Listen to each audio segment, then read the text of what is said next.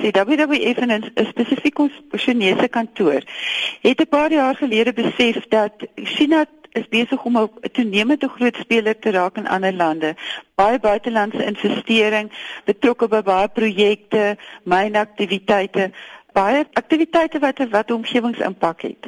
En toe hulle besluit net soos hulle met maatskappye en hulle eie regering werk intern, moet hulle ook in sleutelmarkte elders werk om seker te maak dat Chinese maatskappye wat in ander lande besighede bedryf sensitief met die omgewing omgaan. Met ander woorde dat hulle hulle impakstudies doen, dat hulle nie onnodig besoedel nie, alles wat wat van belang is van 'n omgewingskonteks. En omdat China so 'n groot rol speel in Afrika, nie dat Afrika hulle grootste buitelandse mark is nie, maar hulle is op die oomblik die grootste investeerder in Afrika en omdat ons kantore het in 'n klomp sleutel Afrika lande, het WWF toe begin werk rondom Soukak.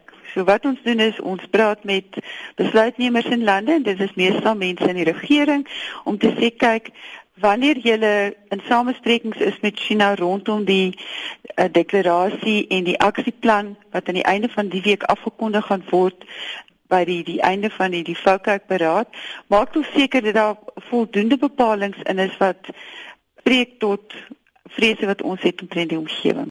En wat is julle vrese? Ongeag al die ander goed wat jy beplan in Afrika want wat die deklarasie en die aksieplan sê is dit is wat ons die volgende 3 jaar gaan doen rondom beleggings in Afrika. So dis hoofvlak beginsels en dan is daar aksieplan om te sê infrastruktuur, industrialisasie, opleiding, dit is 'n hele dit is daar's 'n hele spektrum van goed.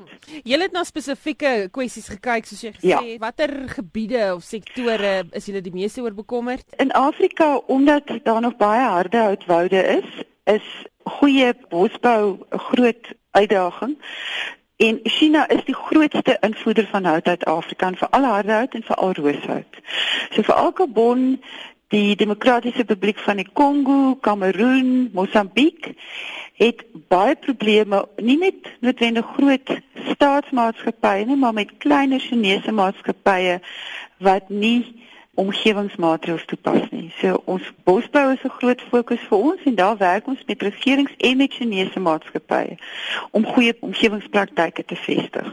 So dis die een fokus. Die ander fokus is en wat wat van groot belang is spesifiek nou en vir hierdie hierdie fokus is dat Alle verwagtinge is, is dat daar 'n groot fokus gaan wees op die bou van nuwe infrastruktuur.